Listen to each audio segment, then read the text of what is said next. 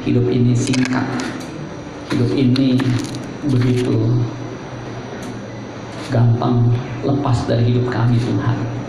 Dan saat ini di hadapan kami terbaring kekasih kami Ibu Dede yang sebentar kami akan memberikan penghormatan terakhir dan kami juga percaya Tuhan pada suatu kali kelak kami pun yang hadir pada malam hari ini akan mengalami nasib yang sama biar pada malam hari ini kami mau mendengar firman-Mu yang akan memberikan kami penghiburan supaya kami bisa memahami, mengerti betapa fananya hidup kami ini Tuhan. Untuk itu kami mau buka hati kami buat sabda firman-Mu supaya firman-Mu boleh masuk menguasai hidup kami terutama keluarga yang saat ini dalam keadaan berduka cita boleh dihiburkan melalui pemberitaan firman-Mu. Urapi kami semua, urapi juga hamba Di dalam nama Tuhan Yesus kami berdoa mengucap syukur. Haleluya. Yang percaya katakan. Amin. Silakan duduk saudara sekalian. Shalom. Saudara, sidang perkabungan yang saya hormati, saya atas nama pribadi turut berduka cita atas dipanggil pulang Ibu Dede, ya istri dari Bapak Iki Grahita, mama dari Rudi dan Stefani. Rudi dan Stefani ini jemaat kami yang setia. Nah, dia duduk selalu di belakang saya persis. Nah, setiap minggu mereka berdua datang, saudara. Saya dapat kabar beberapa hari yang lalu bahwa mama dari Rudi dan Stefani dipanggil pulang ya, dalam usia 58 ya. usia yang relatif masih muda sudah ya. secara manusia memang kita pasti berduka cita. Waktu papi saya almarhum meninggal usia 74 saya yang sudah cukup usia itu mengalami kegoncangan. Hampir seminggu saudara. Ya agak memang perasaan sulit untuk diungkapkan sulit. Ya, selama seminggu saya ya, merasa nggak nyaman. Ya. So bisa bayangin ya saya sebagai pendeta sebagai hamba Tuhan yang sudah sering kali menyampaikan kebenaran firman Tuhan ya, bahkan menghadapi kenyataan-kenyataan seperti ini itu pun mengalami ketidaknyamanan ya memang nggak bisa dikatakan mudah ya. apalagi saat ini Rudi dan Stefani ya ditinggal oleh mama yang relatif masih muda.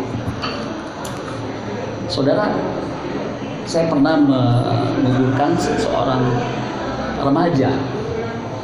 Itu juga mengalami duka cita yang menurut saya dalam sekali usia 17 tahun. Saya nggak bisa ngomong apa-apa jujur ya. Waktu saya ketemu ya, melayani saya bilang tambah bu ya. Seperti biasa itu kan ucapan yang normatif. Sulit saudara. Dia bilang begini bagaimana bisa saya tabah pak pendeta? Anak saya 17 tahun. Waktu kami makamkan wah itu saya nggak pernah lupa ya. Mesti dipegangin karena memang duka cita begitu dalam nah biarkan pada saat ini saya akan menyampaikan firman Tuhan yang hanya tiga ayat. Kiranya bisa menghiburkan kita semua. Ya karena yang bisa menghiburkan itu firman Tuhan. Dan Roh Kudus memakai firman Tuhan untuk menghiburkan kita. Kalau kata-kata terbatas, seperti tadi saya katakan kepada ibu tersebut yang tabah ya, ibu, bagaimana bisa tabah? Bapak nggak menghadapi, begitu. Ayub pasal 14 ayat 1 kemudian ayat 14 dan 15 Ayub 14 ayat 1 dikatakan manusia yang lahir dari perempuan semua lahir dari perempuan singkat umurnya dan penuh kegelisahan. Ya, Alkitab sudah menjelaskan manusia yang lahir dari perempuan dikatakan singkat umurnya. Jadi umur manusia itu singkat mau dia 70 Kalau kita bilang atau 80 atau 90 singkat. Kenapa? Karena ada ukurannya, ada pembandingnya. Dibandingkan dengan kekekalan yang jutaan ribuan uh, miliaran tahun 70 80 itu enggak signifikan 70 dibagi jutaan miliaran itu jumlahnya 0,0000000 sekian persen enggak signifikan. Makanya singkat. Ya. Alkitab menggambarkan singkatnya umur manusia itu dikasih analogi atau dikasih gambaran seperti bunga. Ya. Di pasal yang sama di ayat 2-nya pasal 14 ayat 2 dari Ayub seperti bunga ia berkembang lalu layu. Ya, saudara lihat bunga. Ya, nggak akan bertahan lama seperti bayang-bayang ia hilang lenyap jadi bayang-bayangan kita ketika ada terang ya mungkin ada bayangan uh, seperti ini ya. Nanti ketika kita pergi bayangannya nggak ada. Dikatakan seperti rumput. Ya di Mazmur seperti rumput yang pagi berkembang, sore sudah layu. Kalau di perjanjian baru, singkatnya umur manusia dikatakan seperti uang yang kelihatan lenyap. Begitu. Ya. Jadi singkat 70, 80 Alkitab bilang. Kalau udah 80 sulit untuk hidup ya saya melihat orang-orang yang di atas 80 memang ada yang masih sehat kayak Perdana Menteri Malaysia 92 masih sebagai pemimpin tapi kan jarang sekali ya. terbatas ya. bukan hanya terbatas dikatakan manusia yang lahir dari perempuan singkat umurnya kemudian penuh kegelisahan gelisah. Di Amerika ada penelitian dimuat di jurnal of American Medical Association. Respondennya 242 juta. Jadi hampir seluruh rakyat Amerika itu disurvei. Ini survei ilmiah. Ternyata satu dari enam orang di Amerika itu minum obat antidepresi, depresan jadi mereka mengalami stres. Satu dari enam orang, 16,7 persen itu stres. Bayangin negara maju satu dari enam, 16 persen jadi cukup besar. Itu stres mesti minum obat. Bahkan ada pendeta yang punya mengalami sakit mental depresi. Jadi dia mesti minum obat sampai satu titik dia bunuh diri. Memang Alkitab bilang benar, penuh kegelisahan. Ya. Penuh dengan tekanan, saudara. Ya. Penuh dengan masalah. Jadi itu manusia, saudara. Kalau bahasa Inggris penuh kegelisahan itu memakai bahasa Inggrisnya full of trouble. Kalau kita dengar kata trouble, biasanya penyakit gangguan stomach trouble heart trouble ya. jadi udah singkat penuh penyakit lagi ya. walaupun kita sudah jaga kesehatan penyakit tuh pasti datang. Tua itu termasuk penyakit ya. jadi udah singkat full of trouble penuh dengan masalah gangguan ya saudara itu manusia. Dan bukan itu saja, dia juga nanti akan menuju ke satu tempat. Ya. Di bagian lain di ayat 13, ah kiranya engkau menyembunyikan aku di dalam dunia orang mati. Jadi udah singkat, penuh masalah, kesengsaraan, akhirnya masuk ke dunia orang mati. Pada waktu perjanjian lama ini ditulis, Ayub ini perjanjian lama, dunia orang mati itu masih misteri. Karena dunia orang mati itu dari bahasa Ibrani Sheol. Artinya di bawah kubur. Tempat yang penuh misteri. Dan semua orang akan ke situ. Semua orang ke dunia orang mati. Karena setiap yang lahir pasti dia akan mengalami kematian. Makanya filosofi Chinese Sen ku lao ping se Sen lahir senje Sen ku itu susah Sen ku lao Lao itu tua Lao le udah tua ya. Sen ku lao ping Ping itu sakit-sakitan Sen ku lao ping se Se itu mati ya. Sen sampai se itu ada masalah sakit penyakit akhirnya mati saudara. Ya. itu memang siklus manusia itu begitu dan akhirnya menuju ke dunia orang mati. Makanya Alkitab mengatakan nasib semua orang sama. Ya, yang hidup pun nasibnya semua sama akan mengalami kematian. Bahkan di bagian yang terakhir ya, di Ayub 4, 14 tadi ayat yang ke-14 itu dikatakan begini kalau manusia mati, dapatkah ia hidup lagi? Kalau saya tanya ke saudara, kalau manusia mati, dapatkah ia hidup lagi? Enggak. Sebab ketika manusia mati sekali, karena manusia ditetapkan untuk hidup sekali, ditetapkan untuk mati. Dia nggak bisa hidup lagi. Makanya hidup yang sekali ini yang singkat dan penuh masalah harus dipikirkan. Ya. Makanya sebenarnya Alkitab itu mengatakan lebih baik ke rumah duka daripada ke rumah pesta. Banyak orang lebih senang ke rumah pesta karena makan-makan senang-senang. Padahal di rumah duka itu kita disadarkan bahwa kita suatu kali kelak akan mati, akan terbaring, ya, mengalami nasib yang sama. Seperti Alkitab katakan manusia itu punya nasib yang sama yaitu mati saudara. Ya. nah saudara sebelum kita masuk ke dunia orang mati dan kita nggak bisa hidup lagi kesempatan itu apa yang kita lakukan? Ayat selanjutnya kalimat selanjutnya kan ini saya ulangi lagi ayat 14 dari Ayub 14 kalau manusia mati dapatkah ia hidup lagi? Nggak mungkin makanya kesempatan hidup itu cuma sekali. Maka aku Ayub bilang akan menaruh harap selama hari-hari pergumulanku sampai tiba giliranku. Jadi mati itu ada gilirannya. Seperti ngantri sampai tiba giliranku. Jadi saudara dan saya ini punya giliran. Cuman kan nggak tahu gilirannya kapan jadi random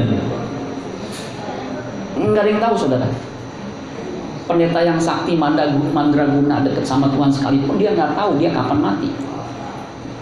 Walaupun dia bisa raba-raba begitu. Karena dulu saya punya uh, pendeta ya, uh, dia pendeta pembantu waktu itu. Dia bilang sama saya begini, saya nggak pernah lupa. Nanti om mati umur 70 cek. Ah, masa om Tuhan udah ngomong sama saya 70 kamu umurnya. Sampai dua kali dia ngomong. Waktu dia umurnya waktu itu kurang lebih 50-an ya belum sampai 60 saya ingat makanya ketika dia mati langsung saya lihat usianya berapa? Betul 70 saya bilang luar biasa ya. Tuh. itu khusus sekali itu ya. Itu pendeta ya. Sampai saya bilang kok papa bisa persis ya? Anaknya seumur saya. Dia bilang sama saya tuh nggak tahu saya dipanggil begitu nanti om mati umur 70 ya, waktu itu dia 50-an belum 60 pas meninggal saya ingat karena bagi saya aneh ya kok bisa dia bilang 70 ya, kenapa nggak dia bilang 100 aja ya? Saya juga nggak tahu. Nah, kita mengatakan ya sampai tiba giliranku. Kita nggak tahu giliran kita. Nah di situ ada kalimat yang bagus ya, sebelum sampai tiba giliranku kalimat sebelumnya bilang begini maka aku akan menaruh harap selama hari-hari pergumulanku. Tadi kan manusia singkat umurnya penuh kegelisahan punya penuh full of trouble. Itu disebut dengan hari-hari pergumulan. Pergumulan untuk apa? Nah ini yang saya ingin sampaikan. Pergumulan manusia itu bukan soal makan minum sebenarnya kalau hanya bergumul bagaimana bisa makan, bisa minum? Nah, kita nggak ada bedanya dengan binatang. Itu hanya naluri aja. Karena kita itu makhluk kekal, punya roh yang nanti akan kembali kepada yang menghembuskan. Makanya pergumulan kita berbeda. Kita makhluk spesial. Apa pergumulan kita sesungguhnya? Pergumulan kita supaya kita punya harapan setelah kita mati. Bagaimana kita berkenan kepada Tuhan?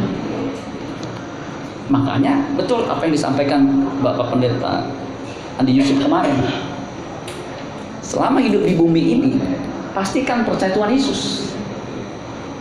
Karena Yesus berkata, akulah jalan kebenaran dan hidup. Tidak ada seorang pun yang sampai kepada Bapa kalau tidak melalui aku. Dan keselamatan tidak ada di dalam siapa pun juga. Sebab di bawah kolong langit ini tidak ada nama lain yang diberikan kepada manusia yang olehnya kita dapat diselamatkan. Kemarin dia sebut juga Yohanes 11 ayat 25. Akulah kebangkitan dan hidup. Barang siapa percaya padaku, ia akan hidup walaupun dia sudah mati. Dan setiap orang yang hidup dan percaya kepadaku tidak akan mati selama-lamanya. Jadi, ini harus jadi pergumulan kita. Kesempatan hidup cuma sekali. Kalau kita nggak memastikan tiba giliran kita, kita nggak siap, itu malah petaka dari segala malah petaka. Jadi saudara sekalian, pergumulan kita hidup di bumi ini bukan soal makan minum. Roma 14 ayat 17, kerajaan Allah bukan soal makan minum, tetapi soal kebenaran, damai sejahtera dan sukacita oleh Roh Kudus. Pastikan tiga itu. Kebenaran firman Tuhan yang saya sampaikan. Kebenaran firman Tuhan yang ada di Alkitab. Damai sejahtera Orang kalau damai sejahtera nggak perlu minum obat tidur, nggak perlu. Ketika dia ada di tempat tidur, pelor, nempel langsung molor. Karena apa? Ada damai sejahtera. Kalau orang penuh kegelisahan, dia mesti minum obat tidur, baru dia bisa tidur.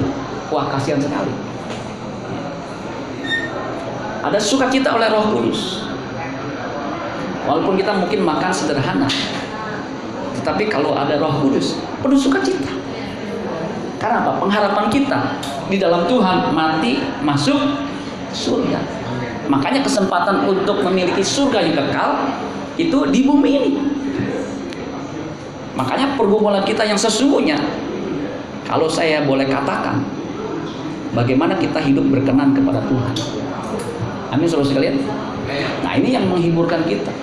Kita ada kesempatan firman Tuhan digaungkan di ibadah penghiburan, ibadah penutupan peti. Bahkan besok sebelum pelepasan pun pasti ada firman Tuhan. Bahkan sebelum nanti dimakamkan itu ada firman Tuhan. Makanya kita harus punya rasa lapar haus akan firman Tuhan supaya dipuaskan. Kalau kita nggak puas di bumi ini dengan firman Tuhan, nanti kita akan mengalami kehausan. Seperti yang kemarin disampaikan orang kaya dan Lazarus itu dia minta setetes air. Itu gambaran bagaimana rasa hausnya dia. Tetapi udah terlambat. Karena di bumi ini dia nggak ada punya rasa haus akan firman Tuhan. Ayat terakhir di 2 Korintus 5 ayat 9 Sebab itu juga kami berusaha baik kami diam di dalam tubuh ini maupun kami diam di luarnya supaya kami berkenan kepadanya. Jadi kami berusaha artinya berjuang. Baik kami diam di dalam tubuh ini, artinya ini tubuh masih ada nyawanya, maupun kami diam di luarnya, artinya suatu kali kelak ketika nyawa kita diambil, ya, usaha kita itu menuai hasil, yaitu berkenan kepadanya. Sebab ayat 10, kita semua harus menghadap tahta pengadilan Kristus. Supaya setiap orang memperoleh apa yang patut diterimanya sesuai dengan yang dilakukannya dalam hidupnya. Baik ataupun jahat. Jadi kita harus berusaha hidup berkenan. Amin saudara sekalian. Sehingga ketika tiba giliran kita kita bisa menyambut kematian kita itu dengan tenang Seperti ayat 15 dari ayat 14 dikatakan, "Maka engkau memanggil dan aku pun akan menyaut. Engkau akan rindu kepada buatan tangan." Makanya hanya orang yang hidup dalam kebenaran, yang percaya Yesus hidup dalam kebenaran, yang melakukan kehendak Bapa di surga, yang siap menyambut kematian. Ada satu lagu yang saya juga cukup kaget, itu jarang dinyanyikan. Ya.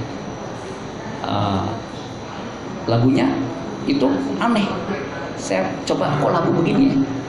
Bawaku masuk berhentianku agar tak ku ingini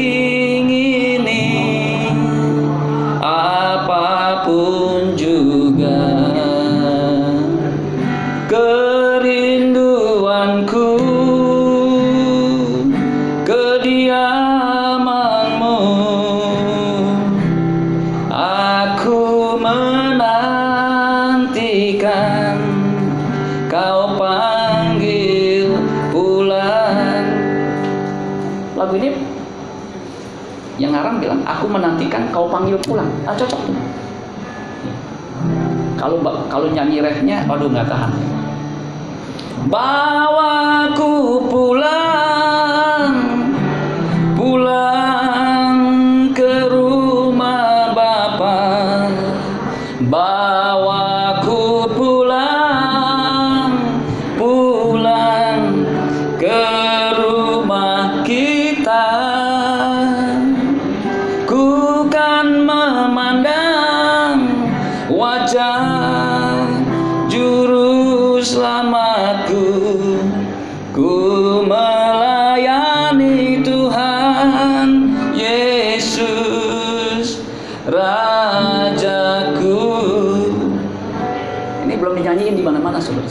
ah, di gereja kita.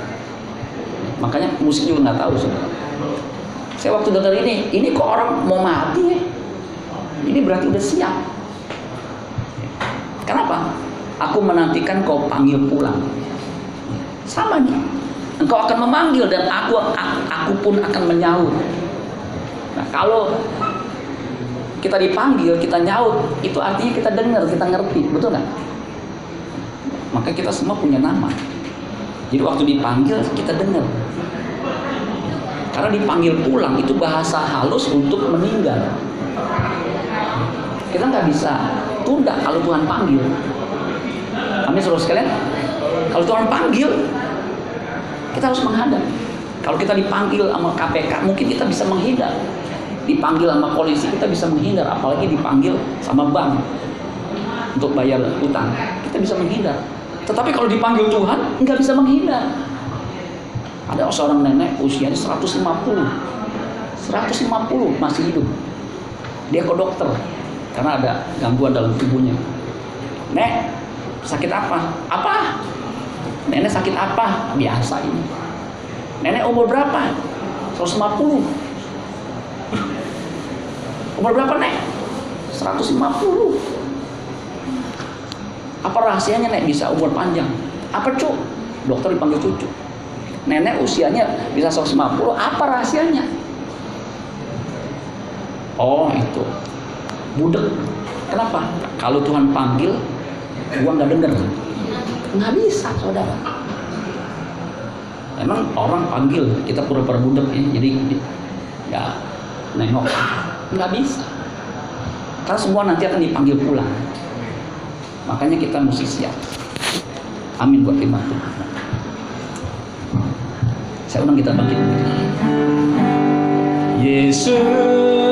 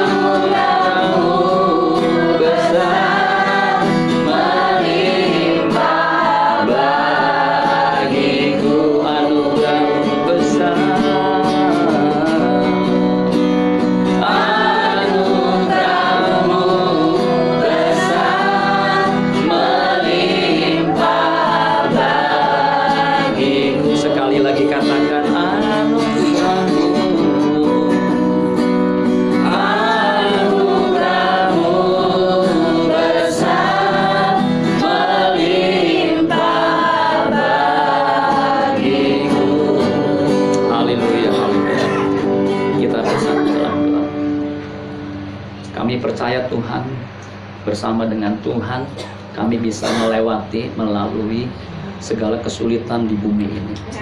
Kami mengucap syukur untuk ujian lagu ini Tuhan. Bukan satu kebetulan kami diingatkan bahwa kami memiliki Tuhan yang senantiasa menyertai kami. Sebab Engkau adalah Immanuel, Allah beserta dengan kami. Engkau Allah yang jauh transenden, yang tidak terhampiri, mau menjadi Immanuel, Allah yang berdiam di dalam diri kami untuk selama-lamanya, bahkan akan menghantar kami kepada kekekalan. Karena kami percaya Tuhan, hanya melalui Engkau kami akan bersama bersekutu dengan Bapa di rumah Bapa. Terima kasih Bapak di surga. Pada hari ini kami ingin mendengarkan firman-Mu yang akan menghiburkan keluarga almarhum Ibu Lawianti yang saat ini sudah tujuh hari tidak bersama kami di bumi. Biar firman-Mu yang akan menghiburkan kami semua, khususnya keluarga, suami, anak-anak, dan juga andai tolan yang saat ini hadir. Terima kasih Bapak di surga, kami sangat membutuhkan firman-Mu. Biar firman-Mu menyegarkan dan mengurapi kami dan memberikan kami kekuatan untuk mengarungi hidup ini. Berkati kami semua Tuhan, urapi kami semua. Di dalam nama Tuhan Yesus kami berdoa mengucap syukur. Haleluya. Yang percaya katakan. Amin. Tepuk tangan buat Tuhan Yesus. Silakan duduk saudara sekalian. Shalom. Shalom. Hari ini tidak terasa sudah tujuh hari almarhum yang kita kasihi istri dari Pak Pingaso Irawan mama dari Evelyn dari Felix, Jonathan dan Apeng sudah tujuh hari tidak bersama kita semua ya. Tapi kita percaya beliau sudah bersama dengan Tuhan. Ya, itu keyakinan kita ya. Beliau sudah bersama dengan Tuhan. Karena janji Tuhan ya. kalau kita percaya kepadanya dia adalah jalan kebenaran dan hidup. Tidak ada seorang pun yang sampai kepada Bapa kalau tidak melalui aku Yesus bilang. Jadi itu keyakinan kita ya, iman kita bahwa kita yang percaya akan bersama dengan dia ya. Saudara, pada kesempatan ini saya ingin menyampaikan satu kebenaran firman Tuhan dalam Amsal 23 ayat 18. Amsal 23 ayat 18. Ini satu ayat. Ya kalau kita renungkan, ayat ini punya kedalaman, ya, kedalaman yang luar biasa. Amsal 23 ayat 18 dikatakan begini karena masa depan sungguh ada dan harapanmu tidak akan hilang. Saudara yang punya Alkitab bisa baca bersama saya bareng-bareng ya satu ayat ini. Satu dua tiga. Karena masa depan sungguh ada dan harapanmu tidak akan hilang. Ya, masa depan. Ya. berarti yang akan datang. Bicara soal, soal waktu itu ada tiga dimensi. Waktu saat ini ya, sekarang ya sekarang ini kita ada semua. Kemudian waktu yang lalu ya kemudian yang akan akan datang. Nah sekarang kita ada ini itu hasil dari taburan kita di masa yang lam yang lampau. Jadi kalau kita ada sekarang ini yaitu hasil dari apa yang kita lakukan di masa yang lampau. Apa yang kita tabur kita kita tuai. Ya. nah apa yang kita kerjakan sekarang ini itu menentukan kehidupan kita di masa yang akan datang dengan kata lain apa yang terjadi dengan kita di masa yang akan datang itu ditentukan juga apa yang kita lakukan saat ini ya. pilihan-pilihan kita saat ini menentukan kehidupan kita di masa yang akan datang makanya ada seorang mengatakan namanya Jane Paul we are our choices. We are our choices. Coba katakan we are our choices. Artinya kita ini hasil dari pilihan-pilihan kita. Pilihan-pilihan kita. Jadi pilihan-pilihan kita, keputusan-keputusan kita saat ini menentukan kehidupan kita di masa yang akan datang. Nah pertanyaannya, masa yang akan datang atau masa depan itu sebenarnya seperti apa? Nah, kalau kita memandang masa depan hanya ya kehidupan di bumi, salah. Dulu saya waktu saya kecil remaja, saya ingin memiliki masa depan yang penuh harapan. Saya gambarkan masa depan yang penuh harapan itu ya, punya pekerjaan, punya rumah, punya mobil, punya istri cantik, punya deposito, kerja nggak terlalu berat, tapi duit ada begitu. Jadi hidup senang. Kalau sakit, gampang berobat, sehat terus, ya. nanti bisa memberkati keluarga, ya. kemudian bisa ke mana aja kita mau pergi, makan apa aja kita mau. Ya. Saya pikir seperti itu. Ternyata masa depan kita itu bukan seperti itu. Ya. Karena apa? Kenyataannya ada orang yang sudah mencapai seperti bahkan jauh lebih dari apa yang saya idam-idamkan. Ya. Hidupnya hampa. Ya. Bahkan ada orang ya, dia sudah mencapai kekayaannya, dia termasuk orang yang kaya dan berhasil. Tetapi dia berkata begini, dia punya kekayaan, dia punya menghasilkan penemuan yang luar biasa. Ya. Namanya Steve Jobs. Dia bilang, Pak, ketika saya sakit, dia sakit kanker kanker pankreas dia bilang kekayaan dia dia bisa beli rumah sakit dokter secanggih apa pun dia bisa bayar. Tetapi ketika dia sakit dia nggak bisa apa-apa. Dan nggak ada yang mau gantiin dia. Jadi kalau kita sakit ya kita bayar berapapun orang itu nggak mau gantiin kita. Ya, kalau ada yang memberikan Eh, ginjalnya ada. Teman istri saya itu bersedia memberikan ginjalnya ya, karena cukup dekat ya memberikan ginjalnya. Tentunya dengan kompensasi dia juga butuh uang. Tetapi untuk menggantikan sakit ginjalnya bukan hanya nggak bersedia nggak bisa. Betul nggak saudara? Akhirnya meninggal. Jadi kalau kita renungkan masa depan yang sesungguhnya itu bukan di bumi ini. Betul nggak saudara sekalian? Dulu pernah seorang motivator bilang begini, kita harus punya passive income. Jadi kalau kita pensiun, kita sakit, kita masih bisa berobat. Nggak perlu BPJS. Ya. Kenyataan saudara sekalian, saya melihat di depan mata kepala saya sendiri, orang yang sangat kaya, kalau berobat ke Singapura itu habisnya ratusan juta. Tadi barusan pagi saya besok ada teman sakitnya. Dia kemo di Singapura. Sekali kemo 17 ribu Singapura, dolar Singapura. Di kurs di sini 190 juta. Itu mesti dikombinasi dengan obat namanya imunoglobin. Jadi obat kemo ditambah imunoglobin. Nah, saudara kalau dengan imunoglobin, ya saya tahu persis karena apa. Keluarga kami ada yang di, dimasukin obat itu. Ya. Jadi solusinya uang udah kayak air gitu ya.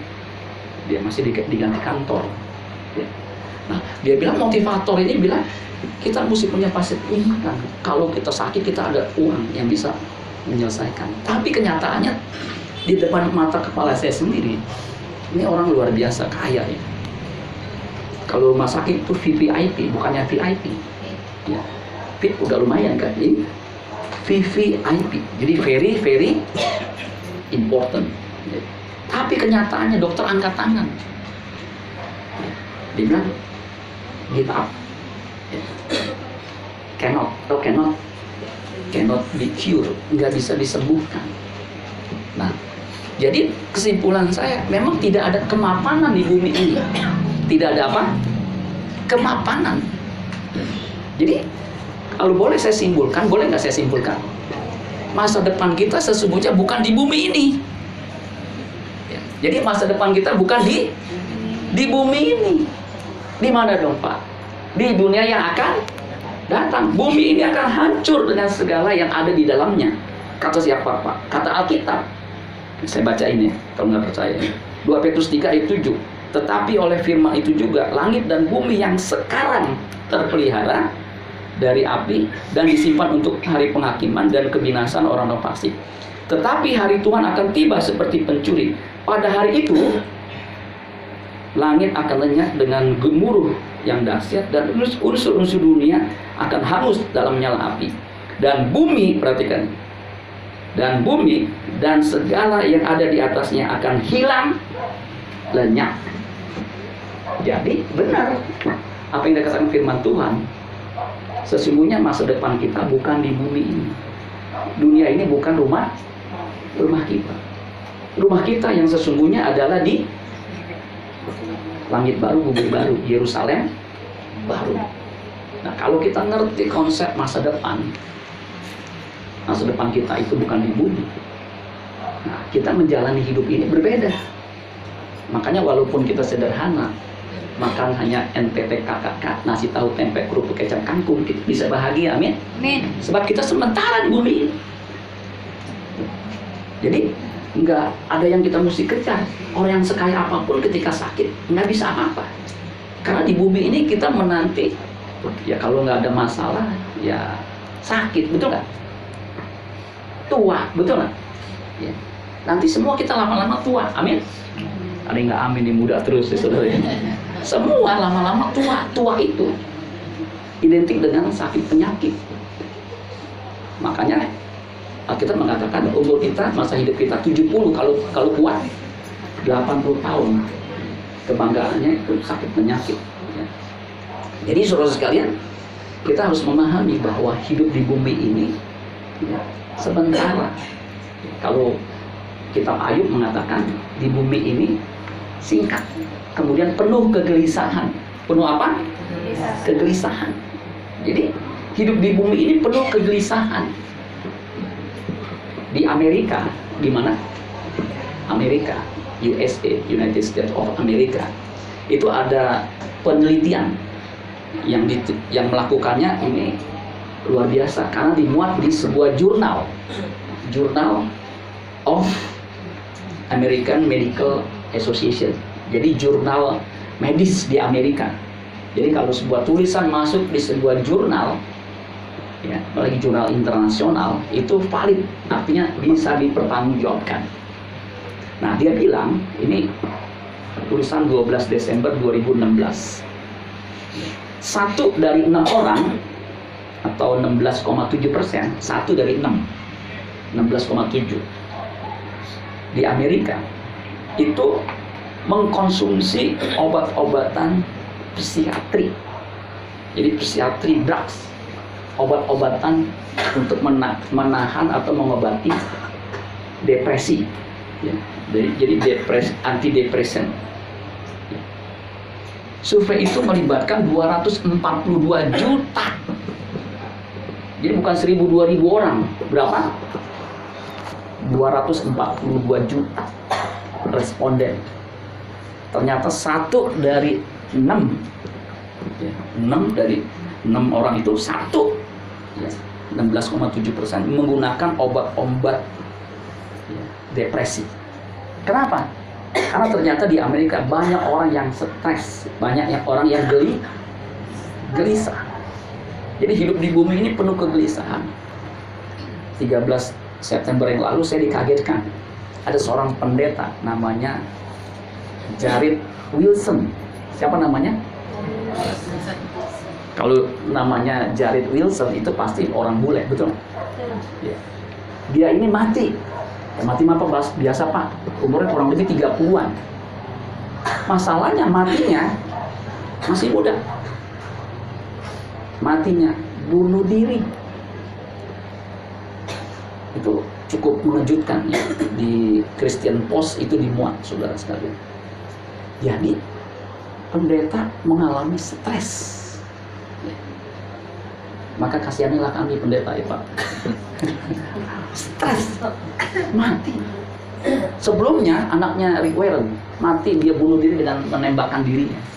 Pakai shotgun aduh. Saya nggak bisa komentar. Karena di bumi ini penuh dengan kegelisahan.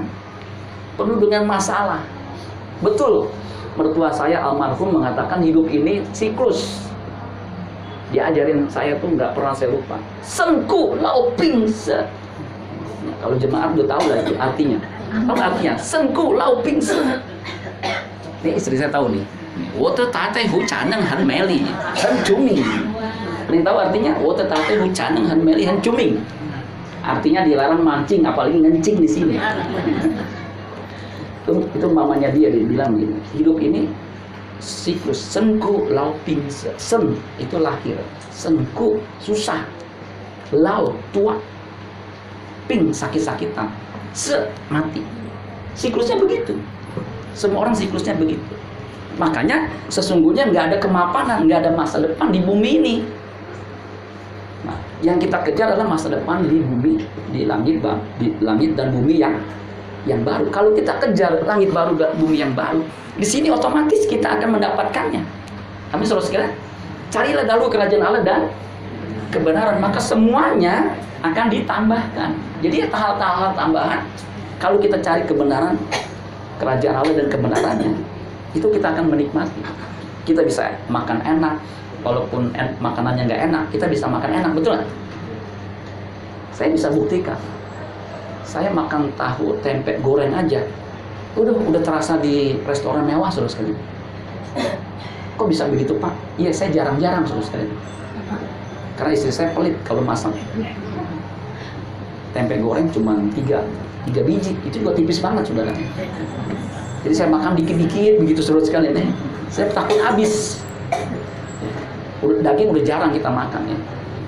Bukan karena nggak mampu beli seru sekali nih istri saya geli sama daging kalau tempe motongnya masih nggak terlalu jadi makan tempe aja enak apalagi tahu tahu nah itu sehat seru sekali dan hemat jadi kalau suruh makan daging terus, nggak boleh. Apalagi penghasilan pas-pasan daging terus bangkrut. Jadi terus sekalian di bumi ini tidak ada mapanan, kemapanan nggak ada. Masa depan kita yang sesungguhnya adalah di kekekalan. Saudara ada seorang raja yang sangat kaya. Dia punya kekayaan luar biasa. Itu kalau dihitung, belum pernah ada orang yang kaya di bumi ini seperti Salomo dia boleh dibilang mapan. Tahu mapan? Mapan. Jadi apa aja yang dia mau, dia bisa miliki. Dia tulis kitab namanya Pengkhotbah. Dia bilang begini, Pengkhotbah 2 ayat 4 sampai 10. Ini saya ingin menunjukkan bahwa orang sudah mencapai kemapanan mungkin dari ratusan juta orang sedikit yang memiliki seperti Salomo ini. Pengkhotbah 2 ayat 4 sampai 10 Aku melakukan pekerjaan-pekerjaan besar. Kan luar biasa. Achievementnya luar biasa, bukan pekerjaan ecek-ecek. Dia luar biasa. Mendirikan bagiku rumah-rumah. Jadi rumahnya megah. Berapa tahun? 13 tahun atau 7 tahun. Istana dia bangun. Rumah bait Allah dia yang bangun. Ya. Menanami bagiku kebun-kebun anggur. Kalau pada waktu itu punya kebun anggur itu orang yang sangat kaya Aku mengusahakan bagiku kebun-kebun dan taman-taman dan menanaminya dengan rupa-rupa pohon buah-buahan. Aku menggali bagiku kolam-kolam untuk mengairi dari situ tanaman pohon-pohon muda. Kalau rumah biasanya ada kolam, itu menyejukkan. Aku membeli budak laki-laki dan perempuan. Ada budak-budak yang lahir di rumahku. Jadi punya budak, punya pegawai yang sangat banyak Aku mempunyai juga banyak sapi dan kambing domba melebihi siapa pun yang pernah hidup di Yerusalem sebelum aku. Dia punya sapi. Kalau sekarang itu punya mobil. Kemarin saya dikirimin koleksi mobilnya Pak Habibie. Ada berapa hari tahu? 32. Itu mobil mewah semua, mobil antik. Nah, ada Raja Brunei saudara punya koleksinya bukan hanya 32 ratusan. Nah, Salomo ini punya sapi, punya kambing domba melebihi siapa pun juga. Aku mengumpulkan bagiku juga perak dan emas. Jadi emas peraknya luar biasa. Harta benda raja-raja dan daerah-daerah. Aku mencari bagiku biduan-biduan dan biduanita-biduanita. Bayangin biduan nyanyi lagu dangdut, dangdut koplo sampai dangdut mana pun dia bisa datangkan. Ya. Karena dia mampu bayar. Ini kan orang luar biasa. Ya. Ada penyanyi solo yang terkenal itu dipanggil di satu ruangan untuk menghibur atau nyanyi di depan satu orang kaya. Itu dibayar bisa ratusan juta. Tuh, saudara. Nah, Salomo bisa bayar itu penyanyi. Misalnya mendatangkan Agnes Monica. Dia tampil di rumahnya. Dia bayar satu triliun, satu miliar. Bisa. Ini Salomo. Yang luar biasa dia bilang apa? Dan yang menyenangkan anak-anak manusia, yaitu banyak gundik. Nah, jadi, jadi pria mana yang bisa seperti ini? Tahu nggak istrinya berapa? Istri Salomo berapa? Ya banyaknya berapa? 700 gundiknya 300 totalnya oh pinter banget ya 1000 jadi nggak ada orang yang punya istri sebanyak dia aduh ini kalau menurut saya luar biasa nih ya dengan demikian aku menjadi besar bahkan lebih besar daripada siapa pun yang pernah hidup di Yerusalem sebelum aku dan dalam pada itu hikmatku tinggal tetap padaku. Nah, ini luar biasa. Aku tidak merintangi mataku dari apa pun yang dikehendakinya. Jadi dia bebas mau lihat apa pun. Dan aku tidak menahan hatiku dari suka sukacita apa pun. Sebab hatiku bersuka cita karena segala jeripayahku. Itulah buah segala jeripayahku. Jadi apa yang dicapai oleh Salomo itu apa yang diidam-idamkan oleh manusia. Dan itu hanya sedikit. Salomo yang dapat. Bahkan sampai detik saat ini belum ada yang menyanyi kekayaan Raja Salomo. Belum ada. Ratu Elizabeth belum mencapai itu tapi apa yang terjadi saudara sekalian tragis ini ayat terakhir tragis judulnya tuh Tuhan murka kepada Salomo 1 Raja-Raja 11 ayat 9 sampai 10. Coba saudara lihat di sini. Sebab itu Tuhan menunjukkan murkanya kepada Salomo. Kenapa? Sebab hatinya telah menyimpang daripada Tuhan Allah Israel yang telah dua kali menampakkan diri kepadanya. Bayangin. Allah sudah menampakkan diri dua kali. Salomo masih bisa menyimpang. dan yang telah memerintahkan kepadanya dalam hal ini supaya jangan mengikuti Allah-Allah lain akan tetapi ia tidak berpegang pada yang diperintahkan Tuhan. Jadi Alkitab mengatakan Tuhan menunjukkan murkanya kepada Salomo karena dia menyimpang di akhir hidupnya. Jadi orang yang sudah mapan luar biasa akhirnya tragis. Itulah masa depan kita bukan di bumi ini. Amin saudara sekalian. Nah, kalau kita ngerti ini, kita menjalani hidup dengan bebas, merdeka. Kita akan kerja keras karena sebentar kita akan mati. Kita akan hidup benar. Karena apa? Kalau nggak benar-benar, kita bisa mati kapan pun. Jadi, saudara, kalau ngerti seperti itu, nggak takut mati. Karena semua orang pasti mati. Amin. Amin. Ada yang nggak amin, saudara sekalian. Yang nggak amin juga mati tuh, saudara bahkan lebih cepat nanti ya. Jadi sosial dia nggak takut mati, apalagi takut sakit. Dulu saya takut sakit istri saya terutamanya. Mendingan saya yang sakit deh. Tapi saya renungkan, saya aja yang udah jaga kesehatan tetap aja. Sakit mah ada aja. Di sini siapa yang dari kecil lahir belum pernah sakit? Ada? Coba saya menunjuk tangan ada nggak? nggak pernah sakit flu korengan sering pasti pernah sakit betul nggak memang ada sakit yang sampai satu titik disebut incurable artinya nggak bisa disembuhkan tapi nanti di kekekalan kita akan diberikan tubuh kemuliaan yang tidak pernah akan sakit lagi Nah di sini kita nggak apa-apa berdoa. Saya kan berdoa. Saya punya alergi yang belum sembuh. Tadi pagi istri saya bilang, Pak jangan sering, jangan tiap hari minum obat anti alergi. Nanti nggak bagus. Habis gimana kalau saya nggak minum? Sekujur tubuh saya gatel. Saya garuk. Kadang-kadang kuku saya pada hitam sama daki suruh sekali Nggak nyaman saya, ngapa-ngapain nggak nyaman. Tuh, saya udah berdoa Tuhan kalau bisa jangan alergi begini. Saya repot. Kalau udah datang, saya begini tahu begini. Begini tahu kayak Hanoman begitu. garuk sana garuk sini. Nah ini yang menghiburkan saya. Nanti setelah kita hidup di dunia akan datang, nggak ada sakit penyakit. Amin, saudara sekalian. Di sana tumbuhan itu jadi herbal.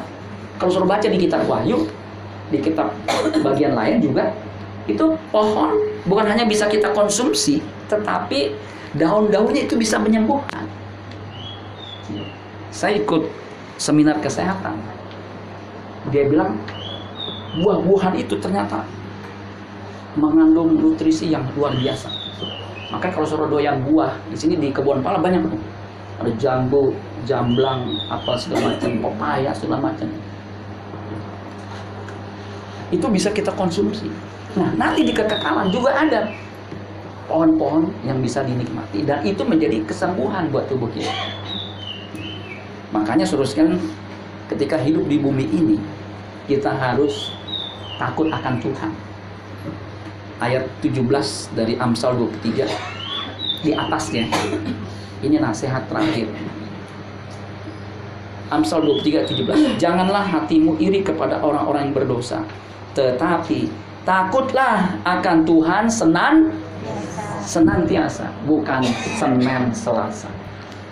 Senantiasa artinya selalu. Jadi kalau orang takut akan Tuhan, dia akan punya masa depan yang penuh harapan. Amin. Bukan di bumi ini aja.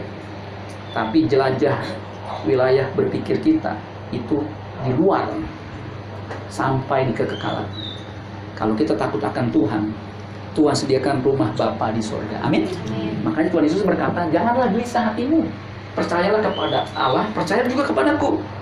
Di rumah Bapakku banyak tempat tinggal. Jika tidak demikian, tentu aku mengatakannya kepadamu. Aku pergi ke situ untuk menyediakan tempat bagimu. Apabila aku sudah pergi ke situ dan menyediakan tempat bagimu, aku akan datang kembali membawa kamu ke tempatku supaya di mana aku berada kamu pun berada. berada. Itu janji Tuhan. Dan saya meyakini orang percaya Yesus dan hidup selalu takut akan Tuhan. Menghormati Tuhan di mana pun dia berada. Dia benar-benar menjaga hidupnya. Berkenan. Disediakan rumah Bapa di surga. Amin buat firman Tuhan. Tuhan Yesus memberkati. Tepuk tangan buat Tuhan Yesus.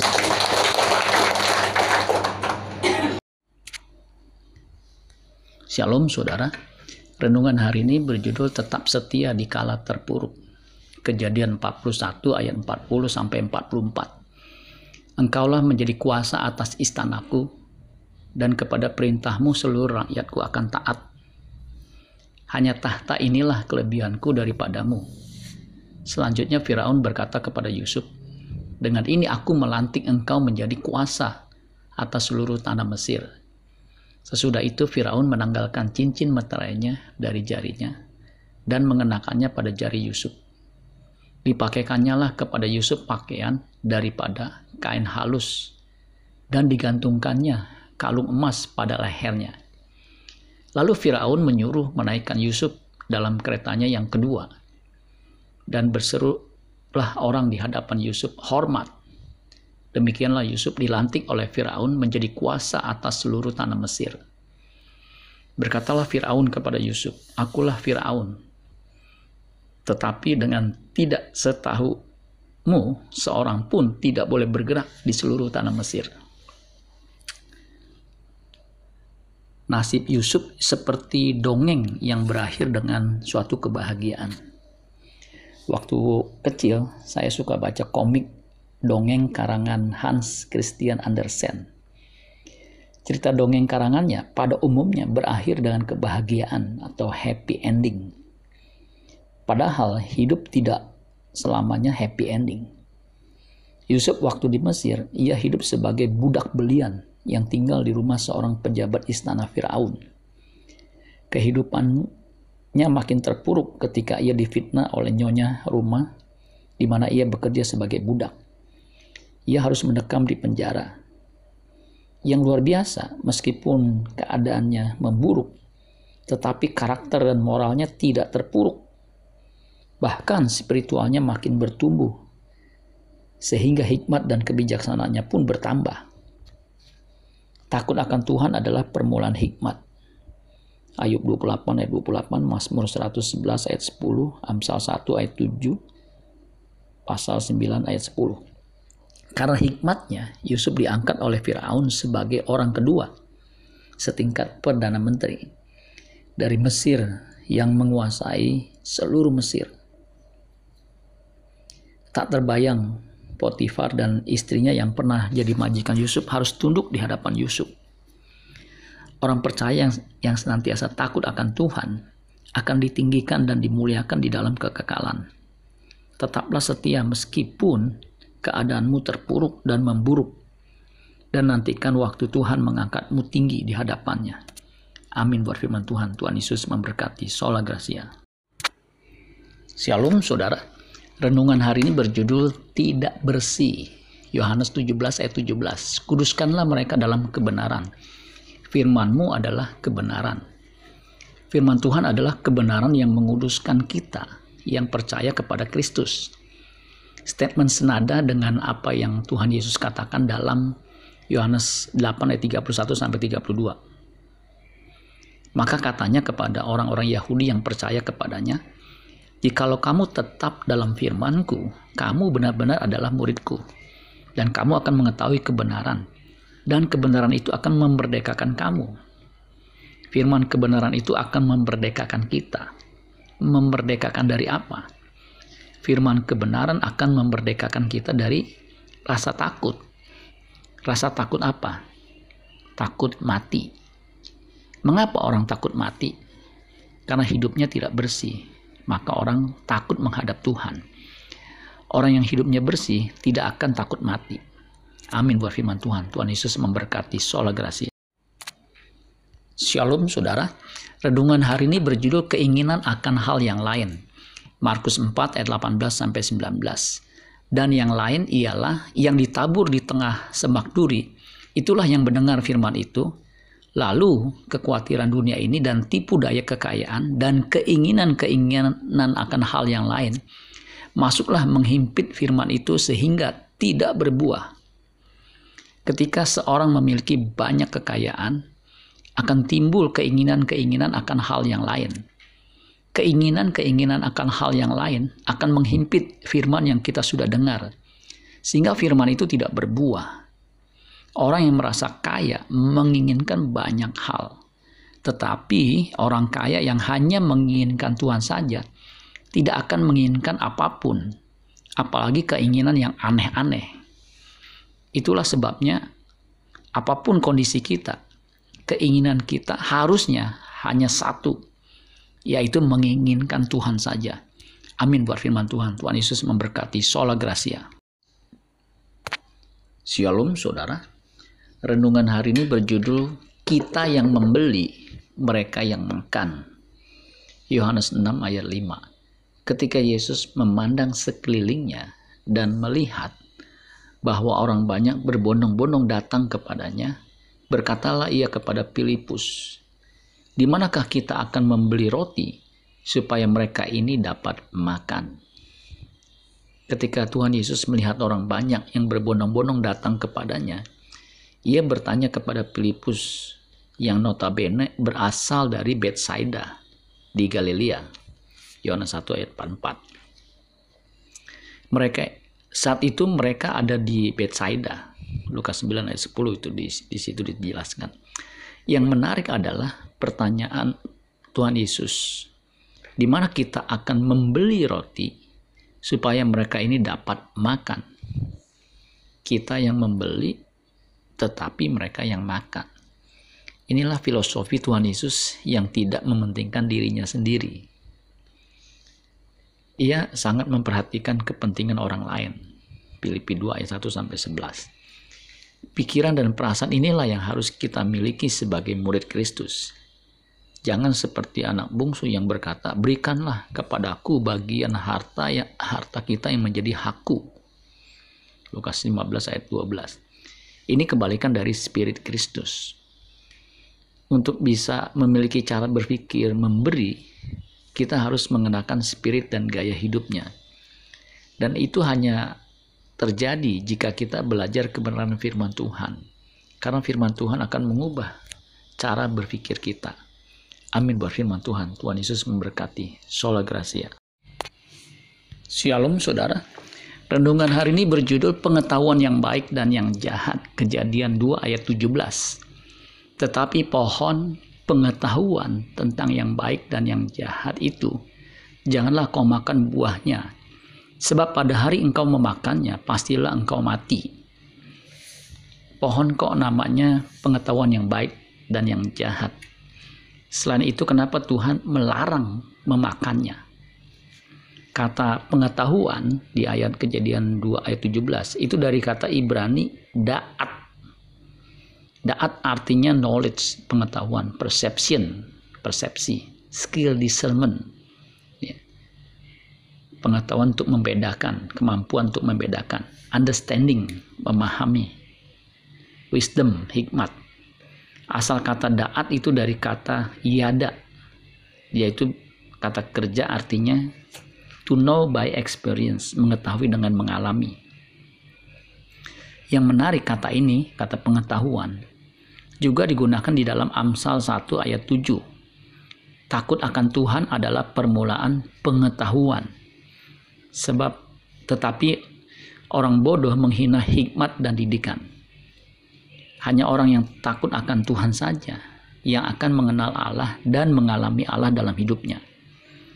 Orang yang memiliki pengetahuan ini akan mempunyai hikmat untuk membedakan kehendak Allah, apa yang baik, yang berkenan, dan yang sempurna. Kehendak Allah bagi Adam dan Hawa pada waktu itu adalah jangan makan buah dari pohon pengetahuan yang baik dan yang jahat, supaya jangan mati.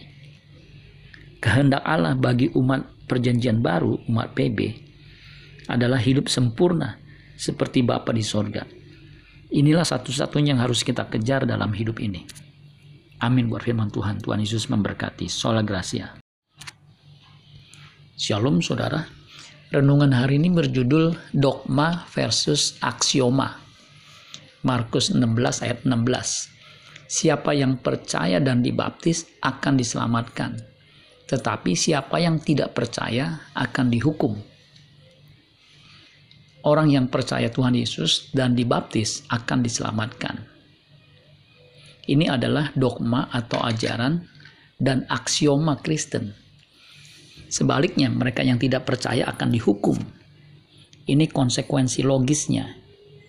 Bandingkan dengan perkataan Tuhan Yesus di bagian lain, di Yohanes 8 ayat 24. Karena itu, tadi aku berkata kepadamu bahwa kamu akan mati dalam dosamu Sebab jikalau kamu tidak percaya bahwa akulah dia, kamu akan mati dalam dosamu. Dogma itu bahasa Inggris dari bahasa Yunani.